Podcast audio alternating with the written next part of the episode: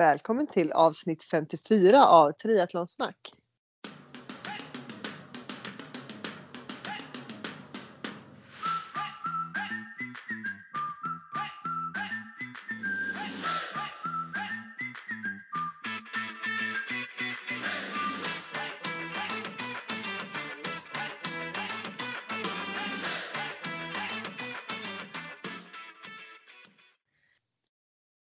Med mig Sofia Häger och Och med mig Therese. Eller Granelli kanske jag ska säga då när du säger ditt efternamn. ja, jag, jag, jag är så van att säga hela mitt namn. Jag vet inte, jag, jag heter Sofia Häger. Ja men det är bra. Hur är läget? Jo men det är bra, lite så här pirrig och spänd eftersom vi ska åka till eh, Tänndalen imorgon. Ja så jäkla gött. Och jag kom precis hem därifrån jag på att säga. Men eh, nästan. Jag byter av. Eh, Ja verkligen. Härligt med lite snö. Jag hörde precis att det kommer massa snö där idag. Så det kommer komma upp till grymt mycket nysnö imorgon. Hur härligt säger jag då. Vad kul. Ja. Det har ju faktiskt snöat här idag också. Inte mycket men det har ju snöat så att man är lite så här. Jag trodde att våren var på väg. Ja. Men, Blir lurad på den ja. Mm. ja. Nej, men vi har, eh, annars har jag ju hunnit med ett par racerpass här på cykeln så det har ju varit några vårdagar. Härligt, är det det du har ägnat påskledigheten åt? Är det cykel? Ja, faktiskt. Det är så härligt dels att bara ta ut racen för att den är så mycket snabbare än graveln så man känner sig Ja. så otroligt snabb helt plötsligt. Och sen Ja, det har det blåst ganska mycket så det har varit ganska motigt. Jag kör ju ofta så att det är motvind första halvan. Det är bra. Sen har man ju känt som värsta queen of the world på vägen tillbaka. Men det är ändå skönt man bara går ut bara, idag blåser det västligt så vi cyklar åt. Ja. ja, härligt. Ja, men det har verkligen blåst mycket. Jag konstaterat det också senaste att först var vi då i fjällen och det har verkligen blåst. Och så nu eh, åkte vi åkte hem i, eller hem, vi åkte i onsdags till landet så då åkte vi till Strömstad. Och även där, alltså det har verkligen hur soligt och det än har varit så har det ju blåst så det är riktigt kallt ändå tycker jag. Eh, Ja, Jag tror det har varit lite blåsigt i hela Sverige faktiskt. Ja. Ja, så jag önskar att det kunde lugna sig lite så man fick njuta av den där värmen lite, eller solen lite mer. Men eh, ja, Ja, vi får se vad det blir för väder nu då i Tänndalen. Ja, gud, vi får hoppas att ni får, jag sa det till dig, men någon härlig dag så ni kan ta er upp på fjället och åka där uppe för det är så fint med vyerna och eh, ja, magiskt, det hoppas jag verkligen. Ja, jag ser fram Mm. emot det. Det är ju som sagt min eh, första skidsemester. Ja, det kommer inte bli den sista. från dig. ja, jag som har varit bosatt. Jag, jag kom precis hem, alltså, till, ja, hem till Göteborg nu då. Vi har varit borta i fyra och en halv vecka. Det känns nästan lite konstigt. Man Ja. lite sådär. Ja, jag sa det, kommer Malte ens ihåg att han bor här? han har varit på eh, iväg så jäkla länge. I hans värld är det jättelänge att vara borta en månad av sitt liv. Liksom. Eller hur? Det är en stor procent av hans livstid. Ja, exakt så. men Ja, det, jag tror det var härligt. väl, Men eh, jag borta tror det var bra, väldigt hemma bäst. Ja men verkligen så. Och jag tror att det var skönt för honom att sova i sin egna säng i natt. Han har ju sovit så här resesäng i en månad nu. Det är inte riktigt samma madrass liksom. Så han sover nog gott i natt. Men han är ju å andra sidan väldigt van vid att resa mycket för ni har ju hoppat runt ganska mycket sedan han föddes. Ja, ja men det är han verkligen. Och det, jag ska säga att man är tacksam för den där resesängen ändå för han har alltid samma säng med sig var vi än har varit så han känner sig ändå hemma när han ska sova. Han har samma, samma Ja, liten smidigt. koja. Ja, det är väldigt Ja. bra. Väldigt, väldigt bra. Ja, ska vi ta och hoppa in i avsnittet eller? Det tycker jag.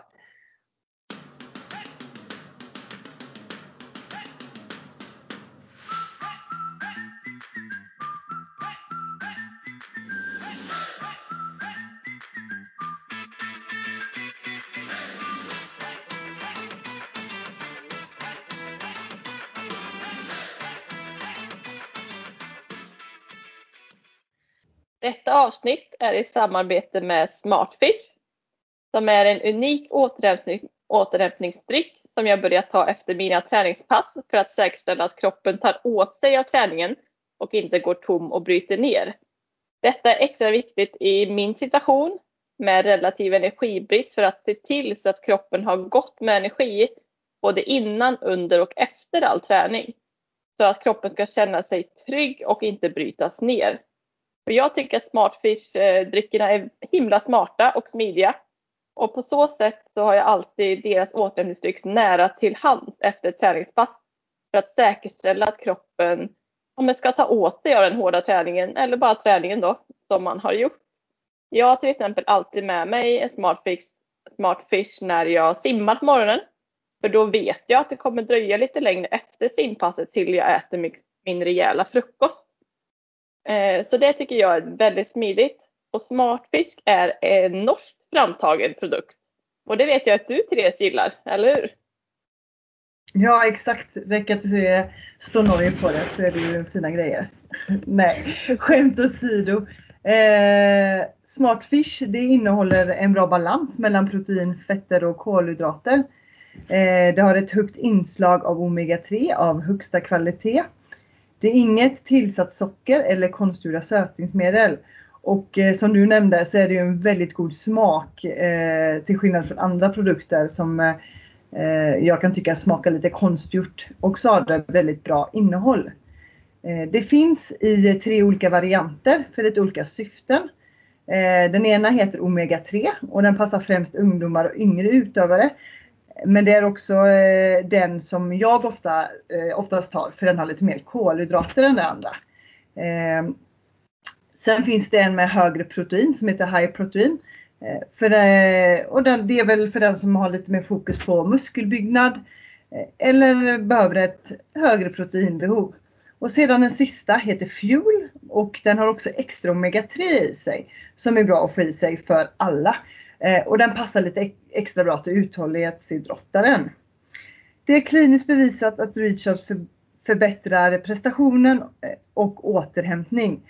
Och mer forskning bakom eh, eh, och om produkterna kan ni läsa på deras hemsida som är smartfishsport.com. Så det är ett väldigt enkelt sätt att täppa igen det här fönstret som jag tjatar om efter träningspass och att säkerställa att träningen inte blir förgäves. Och som jag sa så kommer Smartfish i små förpackningar med sugrör men lätta att bära med sig och de behöver inte hållas kylda och smaka bra både lite varm och som kall. Eh, för de består endast bara, det som Therese nämnde om att de har god smak, de består ju bara av frukt och bär egentligen. Så inte massa konstiga tillsatser. Och vi har en rabattkod att erbjuda er med 20% rabatt. Och koden är triathlonsnack20 i små bokstäver. Så triathlonsnack och sen i siffror 20. Och den gäller både på engångsbeställningar och på första leveransen för en prenumeration. För de har så smart att man kan prenumerera på dem så att man aldrig går tom helt enkelt. Då, utan man får nya produkter med jämna mellanrum. Eh, så gå in på smartfishsport.com och testa själv. Så tack till Smartfish!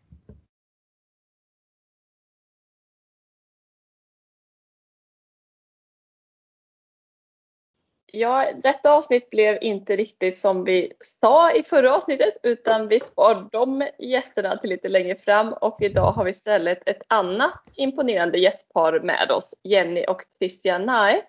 Ett riktigt eh, triathlonpar som visar att det går att satsa på triathlon samtidigt som man roddar familjelivet och allt som hör det till.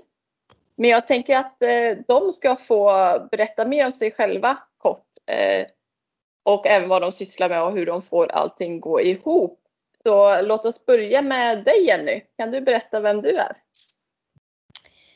Ja, eh, Jenny heter jag och jag har varit eh, proffstriatlet sedan 2018 ungefär. Eh, I övrigt så är jag eh, utbildad sjukgymnast och eh, har jobbat som det ett antal år. nu kommer jag inte ihåg knappt. 2010 tror jag jag blev färdig.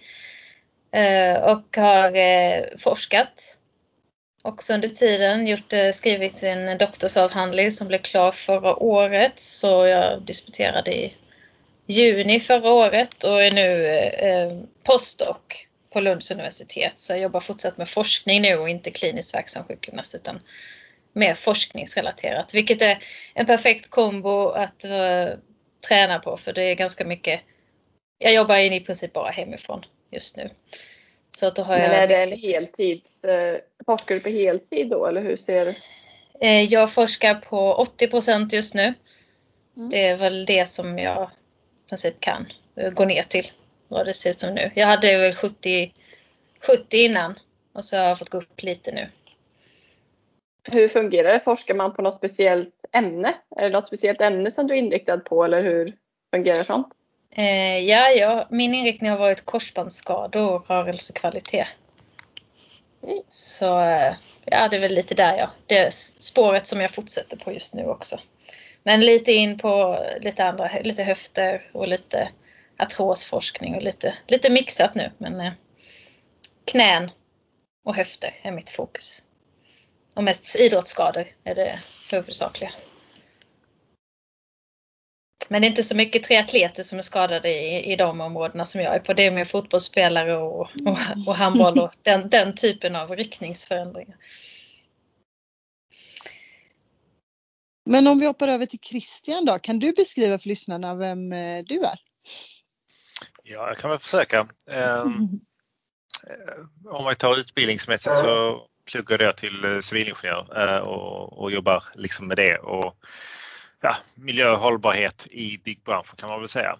Eh, så att konsult, så att jag är väl relativt van i alla fall att sitta i Teamsmöten dagarna ända kan man säga. Ehm, annars, uh, ja, gift med Jenny sen, uh, vad blir det, sex år tillbaka. Uh, Vi har väl varit tillsammans kanske i 12. Någonstans där.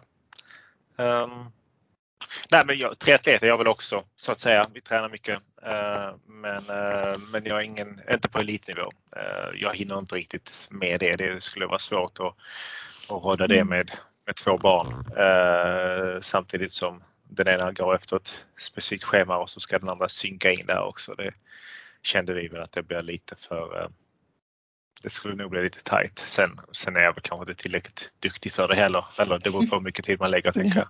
Så är det väl ofta. Hur gamla är barnen? Just nu är de fyra och ett halvt och sju. Mm, Okej. Vem... Och vi kan- eh, Ja.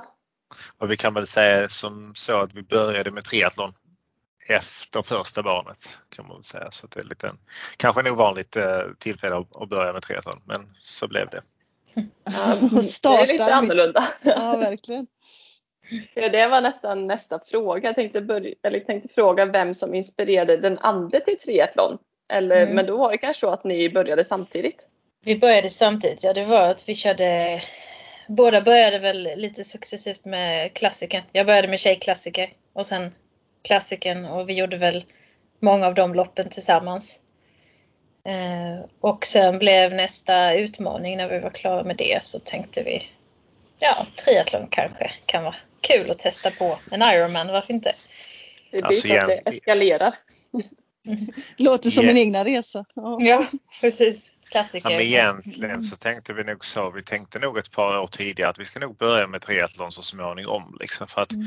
vi gjorde först en klassiker tillsammans med Jenny och hennes pappa och sen så kände vi ja, men, det, det, alltså, det är ju det är inte utmaningen. Alltså, ja, det är kul man kan göra dem snabbare. Liksom. Men så kände vi med vissa lopp att åka upp till Vansbro och simma i 45 minuter och sen åka hem igen. Ja, det kan väl vara kul att göra klassikern men det känns inte riktigt så, som att det blir så tidseffektivt. Eh, och så var jag väl lite bättre på att cykla och så var Jenny lite bättre på att springa och då kände vi att men, det kan väl vara kul att ha den utmaningen att eh, fortsätta och sen dra igång med simningen kan man säga. Och så var det väl då efter första barnet så, så anmälde vi oss väl efter det ungefär. Ett, ett år efter, eller vad var det? Ja, precis. Vi anmälde oss nog ganska Nej men det var nog ett år efter han hade kommit så anmälde vi oss nog. Så två år efter ungefär, eller ett och ett halvt år efter. Så gjorde vi den Ironman i Kalmar första gången. Vilket år det var det då? Tju, eh, 2015. Ja, okej. Så egentligen hade vi nog egentligen anmält oss till Kalmar 2015 innan vi egentligen började med triathlon kan man väl säga. Ja, det hade, ja, det hade vi. vi började, vi började ju liksom årsskiftet 2014-2015 efter vi kom tillbaka efter en resa i Australien. Och då gick vi med triathlonklubb och sen satte vi väl igång. Så det blev mycket triathlonande så att säga det första året. Hur gick det då? Första gången, hur var, hur var upplevelsen? Eh, det var skön. Jag tog det väldigt chill den första gången. Det var liksom så här, jag simmade lite lugnt. Och så tog det väldigt gott om tid på mig i T1 och cyklade och stannade och kissade på toaletterna här och där. Och jag njöt och hade det skönt. Men jag hade inte så mycket tidsmålstankar utan då var det verkligen bara jag ska ta mig igenom. Och sen, men det, det stora för mig var nog just när jag kom ut på löpningen och kände shit jag är fortfarande jättestark och jag sprang om alla som mm. såg så himla trötta ut. Så det var nog det som tände en glöd att jag kände att shit det här löpningen går ju sjukt bra trots att jag har gjort allt det andra. Och mm. det var nog en del som verkligen gjorde att det här vill jag göra igen. Och så såklart springer man över mållinjen första gången är ju en fantastisk upplevelse. Ja. Ja men sen också göra det tillsammans så att säga även om Jenny kom en halvtimme efter mig tror jag det var. Eh, så kände man eh, ja, men för det första resan tillsammans och sen eh, kände man oj vad mycket man kan optimera här. Liksom, upptäckte i efterhand att mitt, min bakbroms hade legat mot hela cyklingen. Liksom.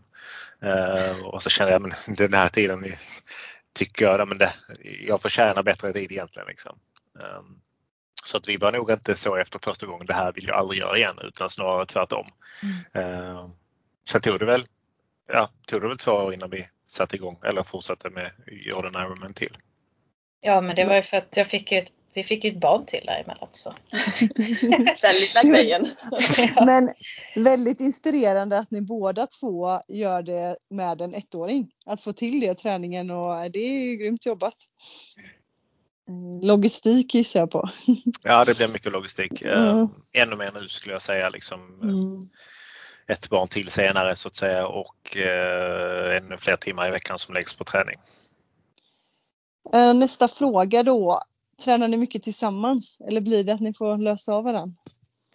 För det mesta under de här åren så har vi fått lösa av varandra. Vi tränade ju allt innan barnen kom och sen har vi mm. fått gå över till att träna var och en för sig. Eh, nu har vi kunnat gå tillbaka till att träna lite ihop på grund av att vi jobbar hemma båda två så vi kan ta lunchlöpningar och, och sånt tillsammans, gå och simma ihop. Så att nu är vi lite mer kan vi göra det tack vare Corona om man kan säga så. Mm. Eh, men det är fortfarande mycket som görs eh, separat, var och en för sig. Och så får vi barnvaktspassning ibland så att vi kan få göra lite längre cyklingar ihop. Det är ju väldigt svårt att få till annars. Har du tyckt det varit liksom... Ja. nej, nej, men jag bara eh, följdfråga.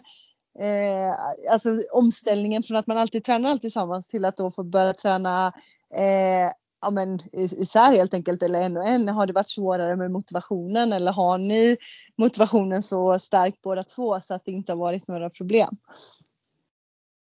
För min del har det nog inte varit några problem för egentligen, jag började med coach efter vårt andra barn. För att då, då var det ett år, bara ett år från förlossning till um, Kalmar. Så då kände jag nu vill jag ha lite hjälp här för att få det att gå ihop. Så då hade jag ett schema att följa för första gången och då, då var ju det motivation nog att, för mig. I alla fall. Mm. Ja, ja, för min egen del så är, man har ju haft sina upp och ner såklart men eh, det är väl vissa, vissa discipliner emellanåt som blir lite kämpigare. Vi har väl haft någon period med simning som jag inte tyckte att det var så kul och sen någon period med löpning och sen tror jag nog på något vis det har vuxit i och med faktiskt den här senaste pandemin. Eh, att, eh, att man förra året tränade så pass mycket trots att man inte hade något liksom man hade i mål men det var ju liksom inte, de gick inte att genomföra. Så att jag skulle nog säga att förra året hjälpte mig nog att hitta motivationen på något vis eh, ännu mer än innan. Ja, det är bra. Mm. Jag tänker hitta den inre motivationen istället Mm. för eh, loppmotivationen. Mm. Ja, vi Precis, det är ju svårt bara det. Ja. Vi snackade lite om det här sen innan liksom att eh, det är väl klart att livssituationen kanske har gjort att man har möjlighet att eh, ja, så att, att, att, att hitta motivationen på ett annat sätt. Liksom. Eh, jag har jämfört med, med andra runt omkring mig som, eh, som, eh, som kanske tränar eh, och ska bara göra det en gång. Eh, och de sliter och kämpar eller slet och kämpade det senaste året och sen blev det inget lopp. Liksom. Mm. De har det nog klart kämpigare än om man redan har hållit på sen innan och redan är fast kan man säga. ja, precis. Mm. Vi pratade mycket om det i ett avsnitt vi hade nyligen om den mentala resan Mm. som varit under pandemin faktiskt och hur man hittar liksom ja, men glädjen och motivationen i det vardagliga och hitta på egna äventyr och egna små tävlingar för sig själv istället. Mm. Mm, precis. Vi får Men, se om eh, vi måste göra det i år också. Ja, precis. Det vet man inte. Hur mycket tränar ni på ett ungefär per vecka? Var och en av er. Vem börjar? Ska jag börja? Det. Jag, eh, jag tränar ju lite olika såklart. Vissa lugnare veckor och lite tuffare veckor. Eh, Men eh, eh, det är väl oftast runt fyra cykelpass, tre, fyra löppass och tre, fyra simpass. Och så lite styrka på det. Så det hamnar kanske runt 15 timmar i perioderna jag är i nu. Mm. Och för min del så jag har väl inte lika strukturerat som vi sa innan. Jenny har ju coach och då arbetar de fram en plan och skulle det vara så att jag också skulle ha en coach så skulle det liksom vara svårt. Att, det hade nästan blivit att jag måste ha samma så att de passen kan synkas. Liksom. Ehm, så att jag kanske tränar eh, ja, hälften men mellan 8 och 12 timmar i veckan. Det beror lite på vad man får in mellan liksom, jobbmöten och vad som funkar hemma med logistiken kan man säga. Och hur ser en klassisk vardag ut för er? En klassisk vardag eh, ser ut... Eh, om vi säger en dag till exempel, en av oss går upp och sim, åker till simhallen tidigt på morgonen. Medan den andra får lämna barnen på skolan och förskolan. Eh, och sen jobbar oftast förmiddagen då och sen kanske en lunchlöpning eller en eftermiddagslöpning på det. Eh, För att sen hämta barnen och laga mat och så kanske barnen har någon aktivitet på kvällen. Eh, Så, det, så ser väl dagarna ut. Det är hela tiden pussla in passen emellan jobbmöten och gärna på lunchen eller morgonen. Krille brukar oftast träna på kvällen. Jag föredrar morgonen. Eh, Ja, det är med, det är med att det blivit, det är med att det har blivit så också. Eh, om Jenny inte jobbar 100% utan 80 så får vi försöka, får försöka få in större delen av träningen liksom, mm, eh, under arbetsdagen och så får jag väl ta det i efterhand kan man säga. Men eh, jag satt och tänkte på det egentligen har vi bara måndag morgon som ingen av oss, där vi äter frukost tillsammans. Eh, för annars är det liksom eh, Jenny har simning tisdag, torsdag, jag har simning onsdag. Eh, och sen fredag så cyklar jag och sen så lördag eller söndag så springer vi eller simmar om vartannat. Liksom. Eh, sen börjar veckan igen. Det är ett strukturerat schema med andra ord. Hör jag ju. ja, ja, just nu är det det. Vi äter med barnen i alla fall, en av oss. Men eh, jag, jag försöker väl prioritera att få träningen gjord under arbetstid så att jag kan vara med barnen på kvällarna. Liksom, så att, eh, så att det, är väl, det är väl mitt mål med att jag har dragit ner med tiden. Arbetstiden är att jag ska kunna ha den andra tiden med dem. Ja. Och allt annat som behöver göras, lagas mat och handlas och allt sånt.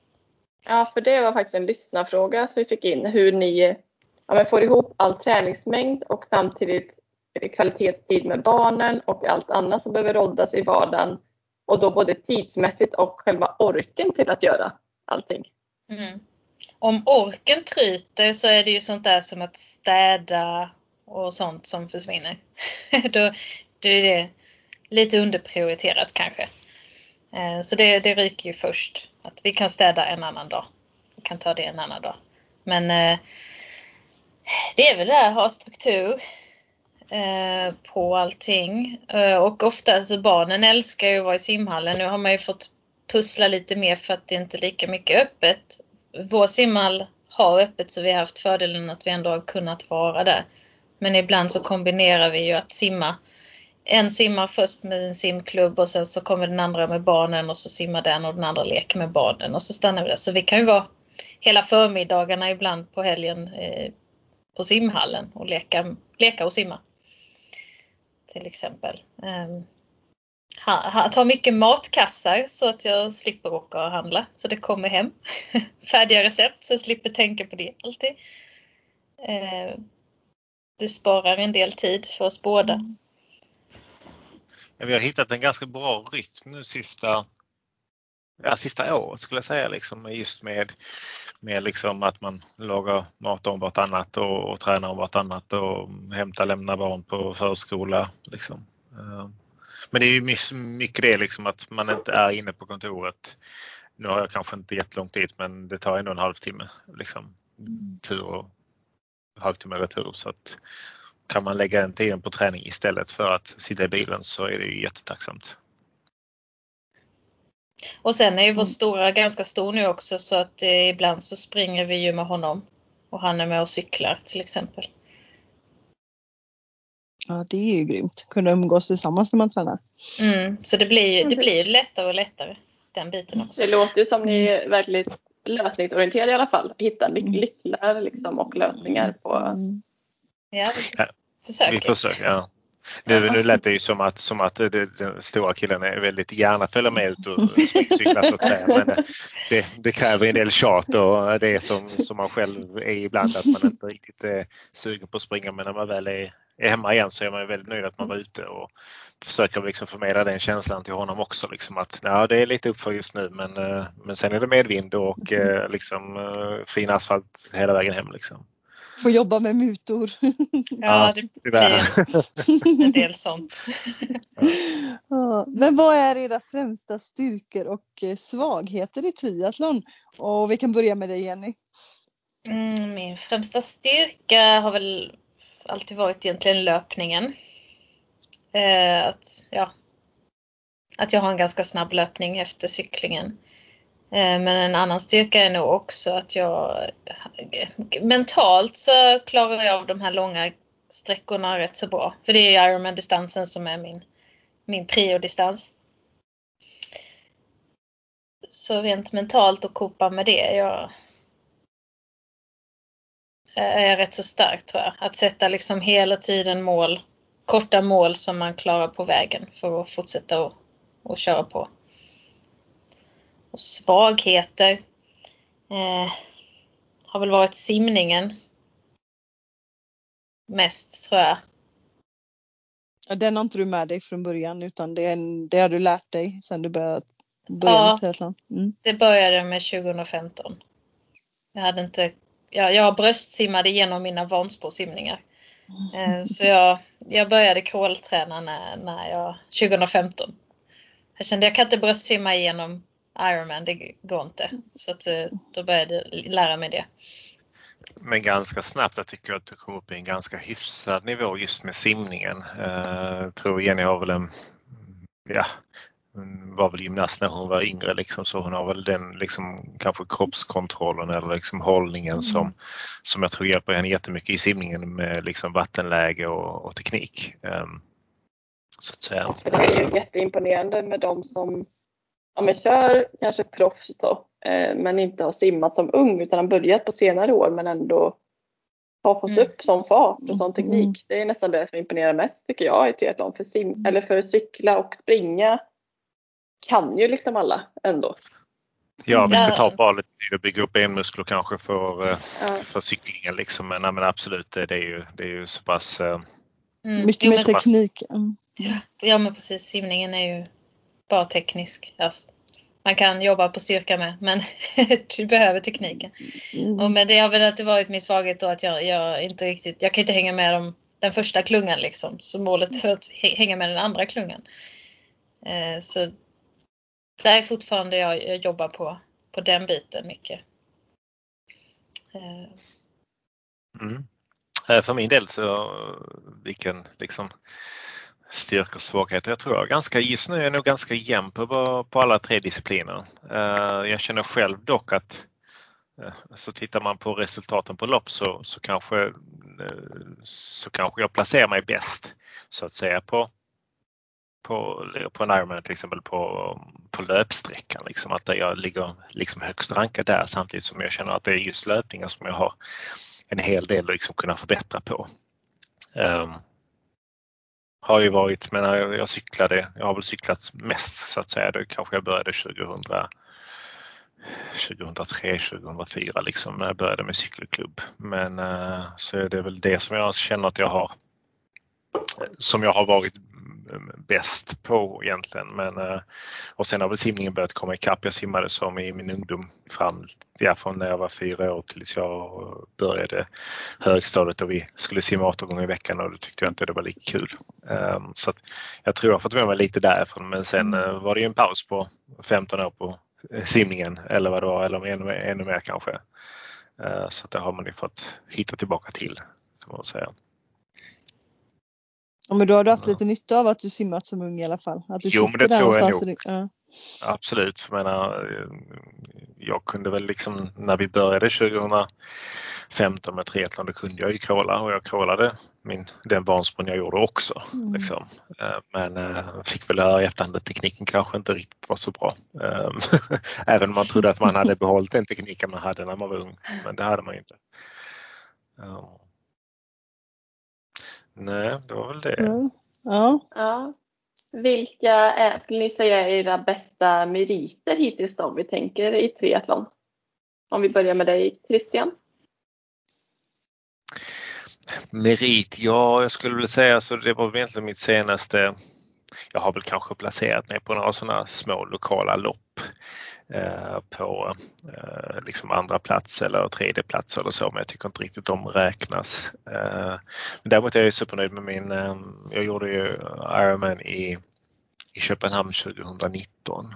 Eh, och då fick jag väl, jag minns inte vilken placering jag hade i, i, i min åldersklass men jag kom in på 9.24 och det blev jag ju supernöjd med. Mm. Eh, det räckte inte riktigt för att kvala till, till korna. Ehm, men eh, kanske också berodde på att de danskarna som tävlade i min klass det året också var riktigt grymma. Eh, så, att, så det är väl det som jag är mest nöjd med det loppet skulle jag säga. Ehm, sen om det är merit, ja, nej, jag är ja. nöjd. Liksom. Ja, och jag, jag har väl några svenska meriter eh, de senaste åren. Ett SM-guld i duathlon och ett silver och ett brons. SM-silver och SM-brons i halvdistans. Så det är väl mina svenska meriter och sen eh, det, men det är ju inga fulldistanser som går på SM-nivå, har gått på SM-nivå i Sverige under min tid. Så om man går på fulldistans så som proffs så är jag väl mest nöjd med mitt eh, lopp som var i Almere, Amsterdam 2018. För där var konkurrensen rätt så hög också. Eh, jag kom väl sju eller åtta på det loppet tror jag. Så rent placeringsmässigt kanske det inte var superbra men jag var nöjd med, med mitt lopp det, den gången.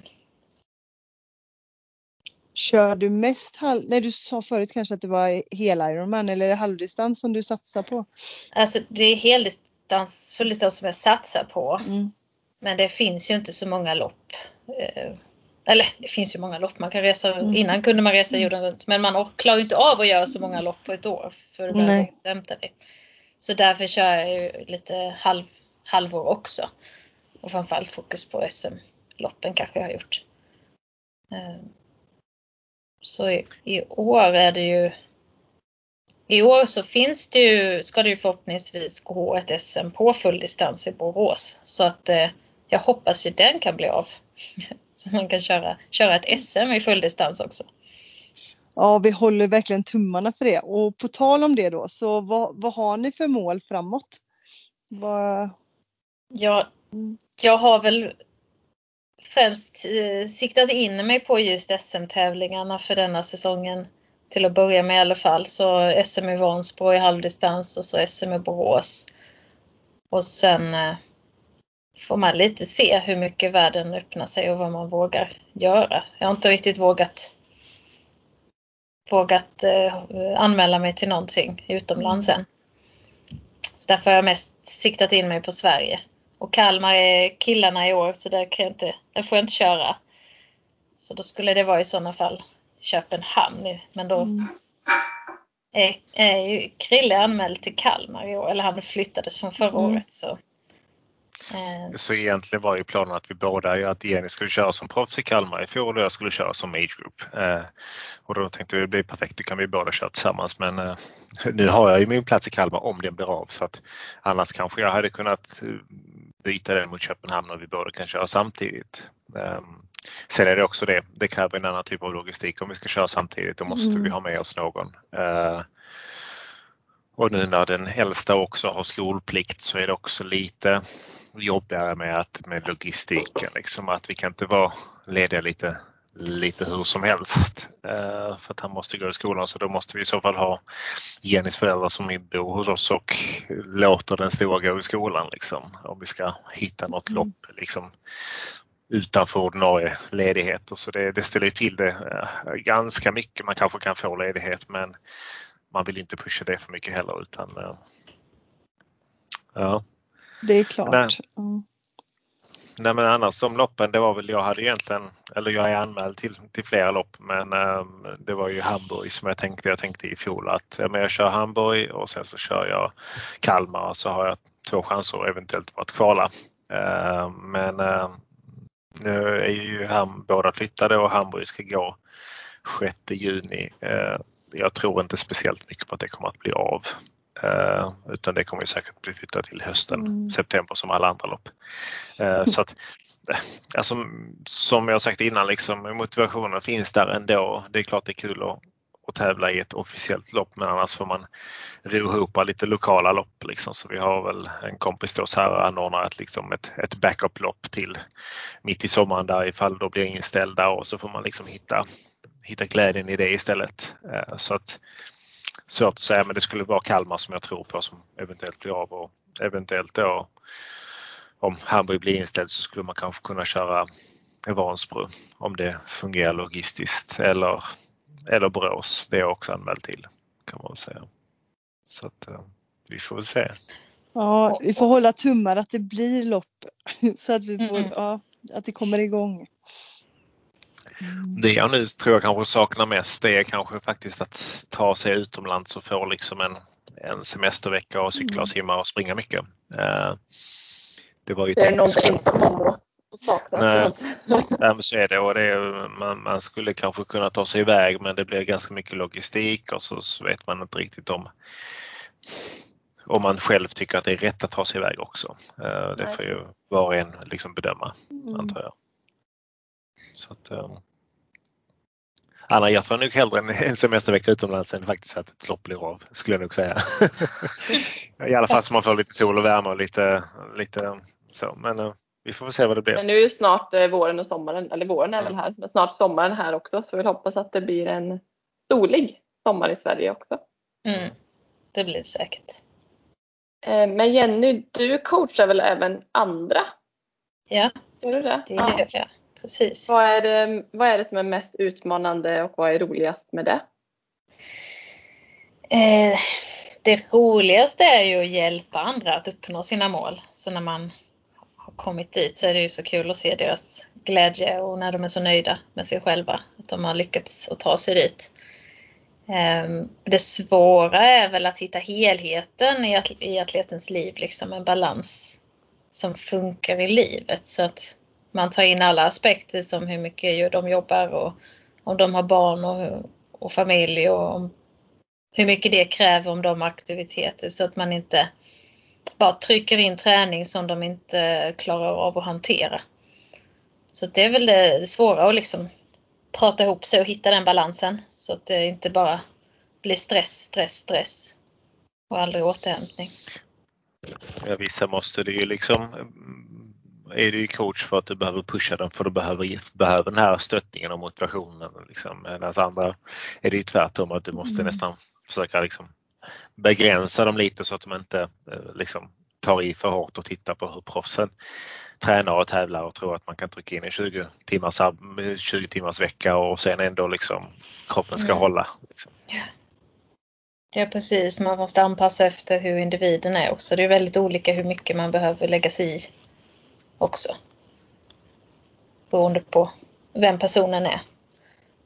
Eh, och i vilken sätt man coachar. Pushande eller stöttande. Eller... Så det, det, det finns väldigt många utmaningar tycker jag. Hur länge har du hållit på med coachning? Hmm. Mm. Vad kan det vara? Tre år kanske? Ja, tre eller fyra. Eller fyra. Något sånt. Mm. Något, det, ja, något sånt, tre, fyra år. Ja. Och det är triathlon du är inriktad på eller är det trä? Alltså jag, jag, jag coachar dels själv, det var så jag började. Mm. Eh, jag fick förfrågan av en tjej som ville få hjälp. Mm. Och sen eh, är jag en av coacherna vid Activitus idag också. Mm. Så jag är kopplad till Activitus Malmö liksom. Så, mm.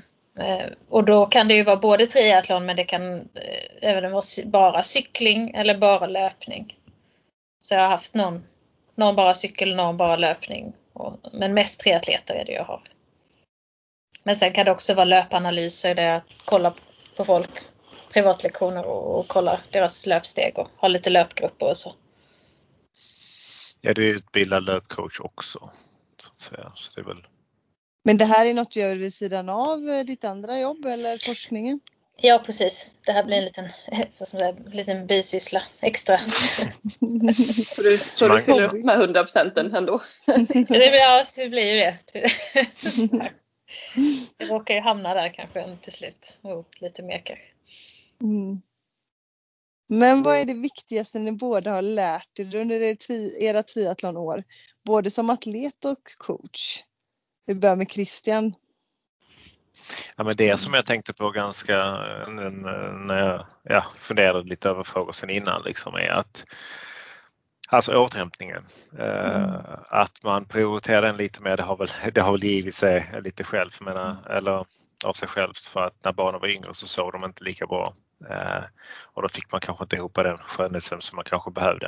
Eh, men nu försöker man ändå liksom kanske liksom kolla ett avsnitt mindre av någon serie för att komma i säng tidigare för att man vet att man ska upp och cykla vad vet jag, klockan sex eller om man ska simma halv sju eller vad man nu ska göra. Liksom.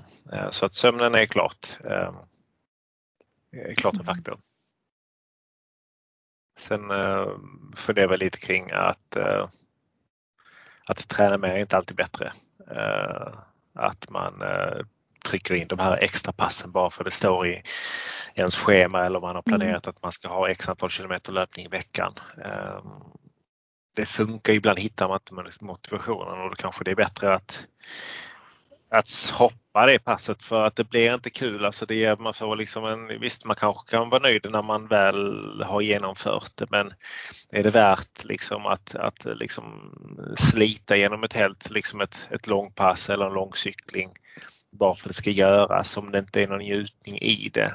Eh, och då försöker jag mer, liksom, vill kroppen träna då, då tränar jag gärna mycket men vill den inte träna så kanske man kan ta en liten paus. Um, och det tror jag nog man har lärt sig nu sista, sista året att det kanske det är dumt liksom är man lite lätt förkyld. Ja, men det är inte värt det liksom bara för man ska ha tränat x antal dagar i rad utan att ha haft en vilodag. För det, ja, det kanske inte är så smart kan man tycka. Um. Mm. Och det är väl lite mm. samma som jag har lärt mig som coach då, att, att vara uppmärksam på det hos dem jag coachar. Att om de visar tecken på att de är slitna och eh, att liksom trycka på det att det är okej okay att korta ner det här eller skippa det här passet om du känner så här. Så att vi har en dialog hur de känner sig. Så att de vet att de ska säga till mig om de inte känner att det känns bra. Eller om de är extra slitna. Så att vi anpassar om schemat efter deras upplevelse. Och det är oftast bättre att skippa ett pass om man känner att jag kanske inte borde göra det här passet Eh, än att liksom bara göra det för att det står där. Och så kanske gräva en grop eller få på sig en förkylning för att det var något på gång i kroppen. Liksom. Så, det är väl något jag hellre säger till dem, att hellre skippa det än att tvinga dig igenom det om du inte känner för det. Och en annan sak som jag rent mer som atlet har lärt mig är väl framförallt då på långdistans triathlon att energin är väldigt viktig. Att det är det fjärde benet i triathlon. Det är simma, cykla, springa och en bra energiplan. Så att, eh, att verkligen jobba med den biten också. Och träna på det på, på träningar. Att få till energiplanen. Och egentligen är det inte så, alltså när man väl så att säga, har, har lärt sig det, det låter som att man är någon form av fullfjädrad eh, liksom, eh, koll på all nutrition. Men när man ändå lär sig lite om nutrition så är det inte så avancerat. Liksom. Alltså tittar man tillbaka på liksom, första triathlonloppen man gjorde, man visste inte riktigt hur mycket man skulle ha med sig av energi, hur mycket kläder, vad man skulle göra i T1 och vad man skulle göra i T2 och lite annat. Nu är det ganska liksom det är ganska lätt, alltså men när man vet hur mycket energi kroppen hanterar, kan hantera i intag. Eh, vätska får man anpassa lite beroende på, eh, på hur varmt eller kallt det är ute. Men det är inte så komplicerat, man behöver inte ha med sig så mycket. Eh, om man ser till liksom, eh, växlingarna. Ja, men du ska ta av dig våtdräkten, du ska ta på dig hjälmen och du ska ta på dig cykelskorna. Och sen sitter allt annat redan på cykeln och sen cyklar du. Eh, och så får man väl komma ihåg att, att trycka i sig den energin under, under loppet. Liksom. Och sen när man väl går ut, ut ur, kommer in i T2 då ska du bara ta av dig det du satte på dig cykelmässigt och ta på dig löparskor eh, och eh, typ glasögon och keps. Och sen är det allt liksom. Men det var ju jackor och tröjor och annat som man skulle ha innan liksom. Och skulle man ha det ena eller man skulle ha det tredje liksom. Um, nej, så det har man väl också lärt sig tror jag. Erfarenhet. Ja. Mm.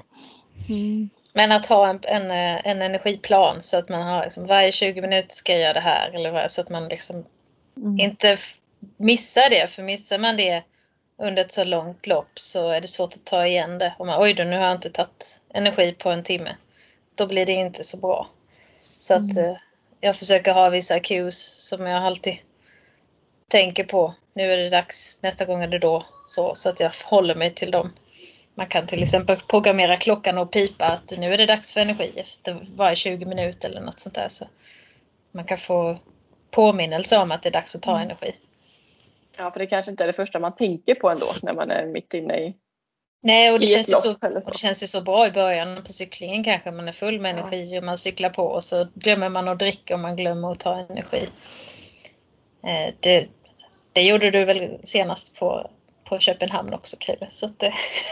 ja men det är just det, det, det, det var det blivit tydligt. Jag hade med mig rätt mängd energi och, och lite som jag sa innan, man får en, en energiplan och en vätskeplan. Det behöver inte alltid vara samma för varje lopp. Men jag hade med mig rätt energi men jag tog det i fel ordning. Uh, jag tog mycket, jag glömde liksom jag drack, eh, jag drack gelen istället för att dricka sportdrycken som hade salterna i sig. Eh, så det var det som var problemet. Jag fick i mig saltet för sent in i loppet och det straffade sig lite. Eh, men sen när jag väl hade fått i mig det och kom ut på löpningen så funkade det igen. Men eh, fick lite kramper där mitt på cyklingen ungefär.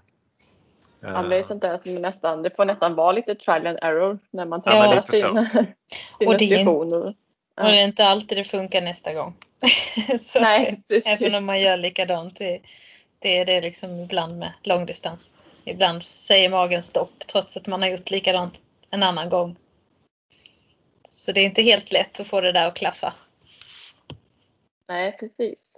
Jag tänkte hoppa till nästa mm. fråga, men nu har vi nästan touchat både på återhämtning och kosten. Men hur tänker ni generellt kring kosten? Har ni någon filosofi där? Och hur skulle liksom en, eller hur ser en vanlig träningsdag ut kostmässigt? Om ni kan ta det hyfsat kortfattat. Ja, det har väl nu senaste året har det blivit liksom, det blir gröt på morgonen med lite kanske med kanske lite jordnötssmör, kanske lite sylt, kanske lite extra ägg för man ska få i sig lite, lite krämigare lite så. Um, sen är det då det... innan morgonträning eller efter morgonträning? Det beror på, mm, på vilken typ av morgonträning det är. Eh, tränar jag på morgonen så brukar det inte bli gröt. så brukar det bli något annat, typ müsli eller något. Eller är det för tidigt och lågintensivt så kanske det bara är ingenting eller en banan. Så det, det beror på passets eh, karaktär. Ja, det håller jag med om. Det ska jag, om, ja, jag springer sällan innan frukost nu för tiden men äh, när jag väl simmar och, och, cyklar så blir det väl kanske en banan eller en, en foodie, en, vad ska man säga, en äh, frukt ja. eller vegetariskt baserad liksom, dryck liksom som en liten, så att man får i sig någonting. Äh, och kaffe eller koffein på annat sätt kan man väl säga. och sen brukar det bli gröt efter det efter träningen kan man väl säga. Men ja. eh, annars energimässigt skulle jag säga, menar, vi, vi äter ja, husmankost kan man väl säga. Um, inte någon jättestor filosofi om att det ska vara ja, LCHF eller om det ska vara någon annan typ av liksom, eh, vegetariskt eller veganskt eller så utan det är väl mm. varierad kost. Jag skulle snarare säga att det ska inte vara LCHF. ja. Gärna mycket kolhydrater och jag har väl för inte så jättelänge sedan tog jag hjälp av en dietist för att liksom bara kolla av om jag får i mig tillräckligt mot det jag tränar och vi kom väl fram till att jag fick i mig lite för lite kolhydrater så att jag senaste tiden nu lagt till en del för att öka upp kolhydratintaget utan att behöva öka upp så mycket av mängden. Så att äta lite mer frukt till lunchen, dricka lite mer juice, eh, lägga på vissa saker, dricka lingondricka till maten och inte dricka vatten så att jag får i mig lite mer utan att behöva äta en portion pasta till. Liksom. Precis, och det har med... snabba kolhydrater utan att få i sig så mycket annat. Ja, och detta är då främst mina, mina tuffa veckor när jag behöver ha mer. Så en vilo eller en lugnare vecka eh, tar jag ner lite på det och sen när jag har lite mer intensivt och, och, mer träning en vecka så, så lägger jag på lite mer så att jag får i mig mer hela tiden under dagen. Och det är uppdelat på ganska många mål under dagen så att det är typ två frukostar och en lunch och så några fikor. Eller ja, mellanmål. Och så middag och så kanske ett mellanmål innan. På kvällen också. Så, så kanske äter 6-7 gånger om dagen. Vad är favorit, någon favoriträtt då? för familjen? Ja, vi har ju små barn så för familjen. för er då om man tänker? För, för oss. Ja men alltså, ky kyckling är väl en ganska stor favorit. Eh, kyckling ja. på olika sätt och så pasta till det. Det är väl något som kommer återkommande ganska ofta. Sen är vi inte riktigt överens om vilka kycklingrätter som vi tycker är godast. Men, uh... Nej, det behöver vi inte gå nu heller. oh. mm. Nej, men sen kan vi lägga till, jag, sen jagar jag lite med, eh, med Jennys pappa och, eh, och bror också liksom, på hösten. Mm. Så att då får vi med oss en del viltkött hem i frysen eh, efter det så att då blir det ju en, en hel del vilt när man orkar tillaga det kan man säga. Men då krävs det att man planerar lite eh, för att det ska tina. Liksom, och det kanske inte alltid funkar i vardagen att eh, att man bara spontant vill liksom ha en, en stek som är som en, liksom en stenfrusen. Liksom. Men, men det är väl ett, som man säger, att liksom, det blir nyttigt när man väl fryser det kan man väl säga. Mm. Ja, men generellt, vi, vi är allätare i alla fall. Ja. Så att vi mm. eh, men prioriterar att få i mig kolhydrater i alla fall. Och sen såklart när jag tränar Eh, så, så ta, tillför jag ju energi under träningspass också. För att öka upp det på det sättet med.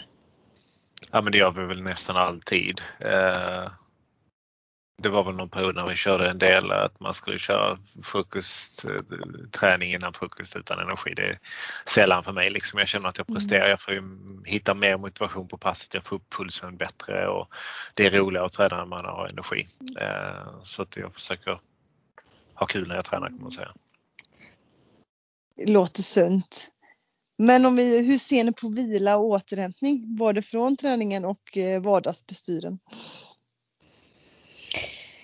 Eh, där, ja, jag hade såklart velat ha mer återhämtning. um, än vad jag får. För att ibland känner man att man har gjort ett lunchpass, sätter sig och äter lunchen och sen hoppar in i ett jobbmöte.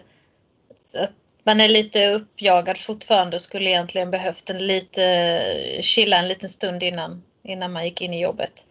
Så att där upplever jag ibland att det, det blir inte riktigt den återhämtningen som, det blir ingen optimal återhämtning. Och vila. För att vardagen bara rullar på så att det är lite svårt att få en bra kombo av både hinna vardag, jobb, träning och få till återhämtning och vila. Men eh, vi försöker väl sova så bra vi kan och lägga oss i tid. Men sen också det medan tidigare år så att säga innan corona så var det ju lättare att man kunde åka upp till Jennys föräldrar och liksom kunna slappna av lite mer och ja, få hjälp med barnen så att säga. Men, eh, och då brukar Jenny, då brukar när vi var där uppe så brukar Jenny klaga på att jag alltid är så trött när jag är där. Men det är väl, jag zoomar väl liksom ut och mm.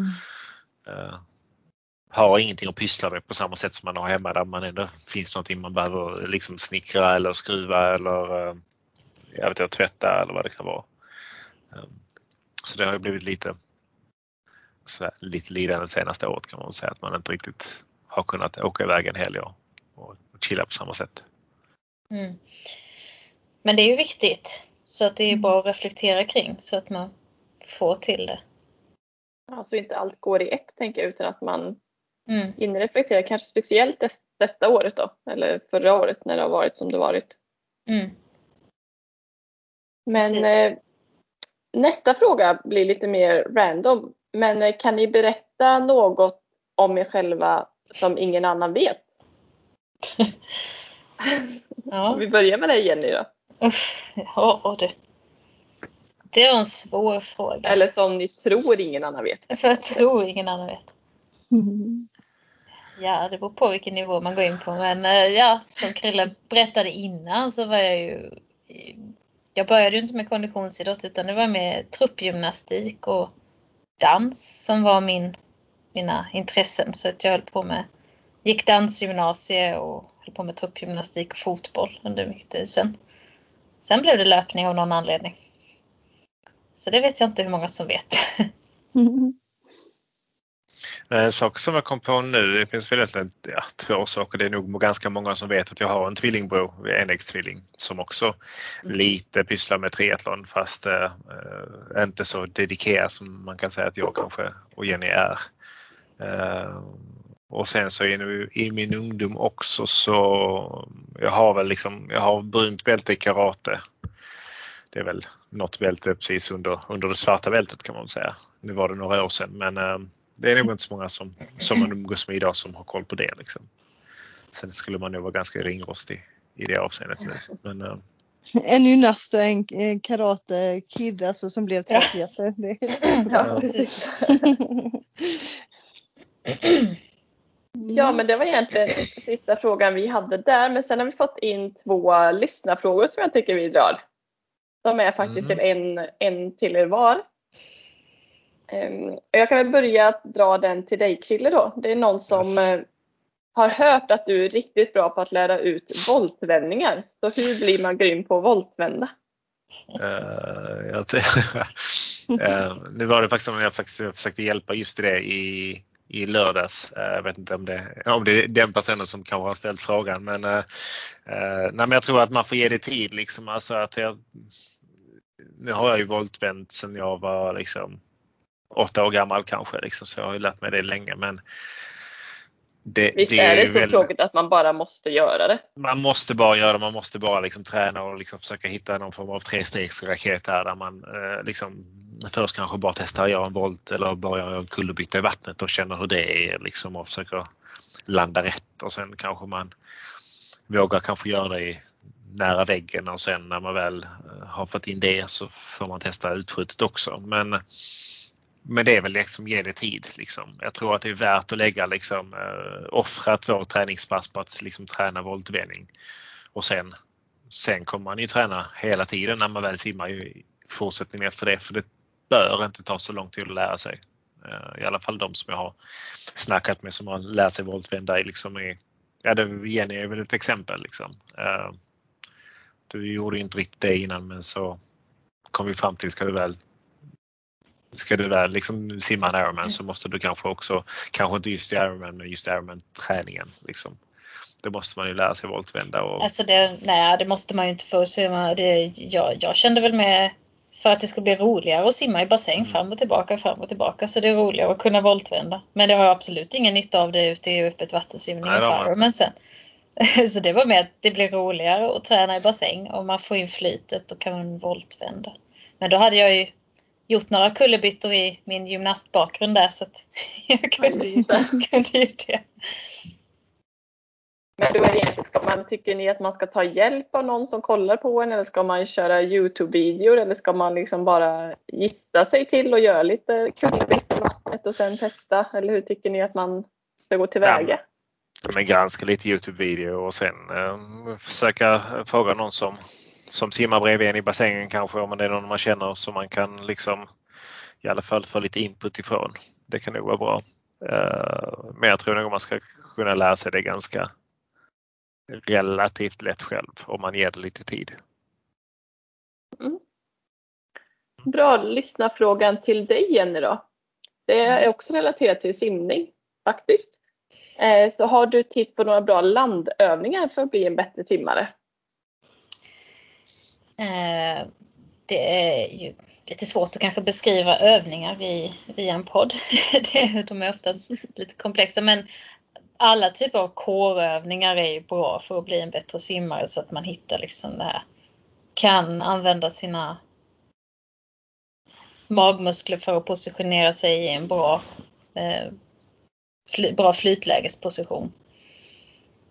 Eh, och olika typer av skulderstabilitetsövningar så att man tränar upp dem så att man inte får ont i axlarna när man simmar. Så att gummibandsövningar av olika slag Eh, är ju jättebra. Så att om man behöver något redskap så skulle jag ju föreslå att köpa hem lite olika gummiband så att man kan ju jobba på tekniken med gummiband. Står ofta och tränar på catchen eh, med gummiband till exempel. För att hitta hög armbåge. För att det är ganska svårt att översätta det i bassängen så då kan man träna på det med gummiband hemma. Liksom att hand, armbåge, hand, armbåge och hitta den hitta den catchen och draget. Till exempel. Så att det finns ju en mängd olika övningar. Ja, det är bra. Eh, Kanske mm. för de som inte har simhallarna uppe än. För det är ju ja. väldigt många städer i Sverige som inte har. Mm. Kan man torrsimma? Då kan man torrsimma. Man kan ligga på en bänk och ha ett gummiband och jobba fram och, ner, fram och tillbaka med armarna. Det finns men, massa, massa ja. kul redskap man kan använda sig av. Men gummiband är nog ändå prio ett där tror jag. Bra tips. Men det är dags att hoppa in på eh, våran topp tre. Eh, och ja, ni har ju fått den här frågan då så ni har kunnat förbereda, förbereda er innan. Eh, men vad är era tre, eh, topp tre tips på hur man får en balans mellan prestationsinriktad träning och allt ansvar i vardagen? Det är lite det vi pratat om innan. Ja. Mm. Eh, I avsnittet men ni kanske kan sammanfatta och konkretisera. Ja, ja precis. För att få bra balans mellan prestationsriktad träning och allt ansvar i vardagen. Ja men prio 1, topp 1 är kanske bara helt enkelt att man måste ha en plan. Det är svårt att bara ta dagen som den kommer. Eh, om man behöver få in olika saker. Så att man har en, i alla fall en grundplan på när saker och ting ska ske och vem som gör vad så att, så att man får ihop det. Så lite planering helt enkelt och prata ihop sig med sin partner. Absolut, och det beror också på, men eh, nu i vårt fall så är det ju båda som vill träna mycket. Liksom. Eh, så för vår egen del så är det ju lätt att jag tittar eller vi kommunicerar vad Jennys schema är och sen så försöker jag liksom klämma in, eh, klämma in däremellan liksom vad jag kan få in. Så simmar hon på tisdag och torsdag och simhallarna bara öppet liksom onsdagar utöver det. Då får jag ju simma på onsdag så att det ger sig själv kan man väl säga.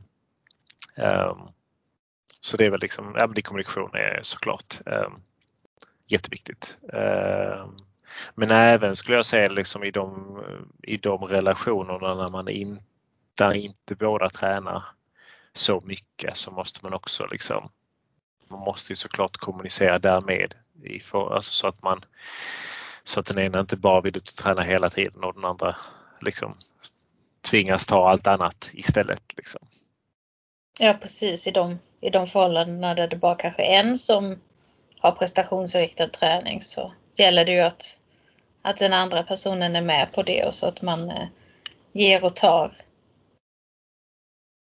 till varandra liksom. Mm. Så att man kanske får offra någonting för att få något annat. Eller offra låter fel ord men ja. Komma överens.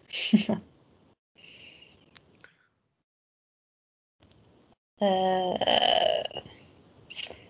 jag tänkte säga, var det tre grejer? Eller var det, det jag försökte också fundera på. Var det två eller tre? Ja. En tredje sak då? Eh, ja men inte, en sak, bara ha, ha roligt helt enkelt.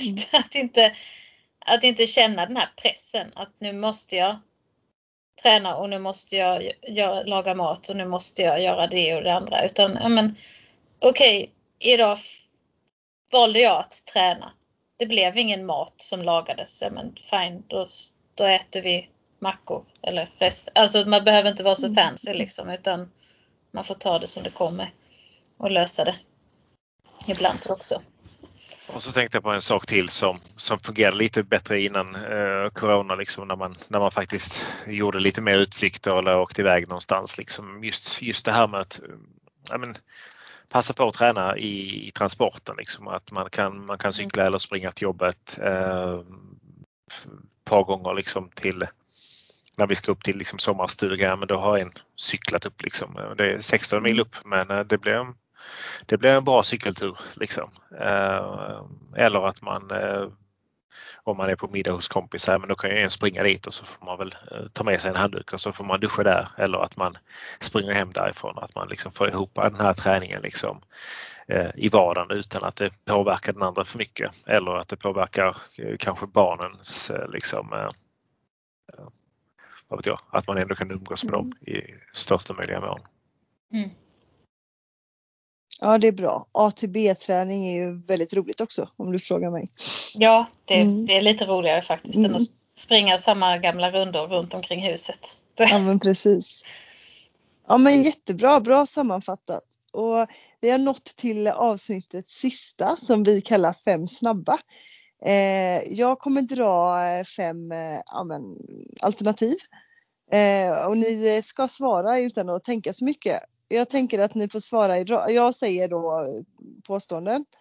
Eh, och så svarar eh, Jenny och sen Krille. Och så tar jag nästa efter det. Mm. Mm.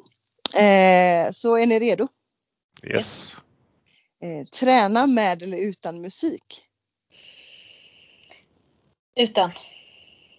Med. Träna på tidig morgon eller sen kväll? Tidig morgon. Ja, tidig morgon. Sprint eller olympisk distans? Olympisk, aldrig gjort en sprint. ja, det blir olympisk för mig också. Skavsår eller håll? Håll.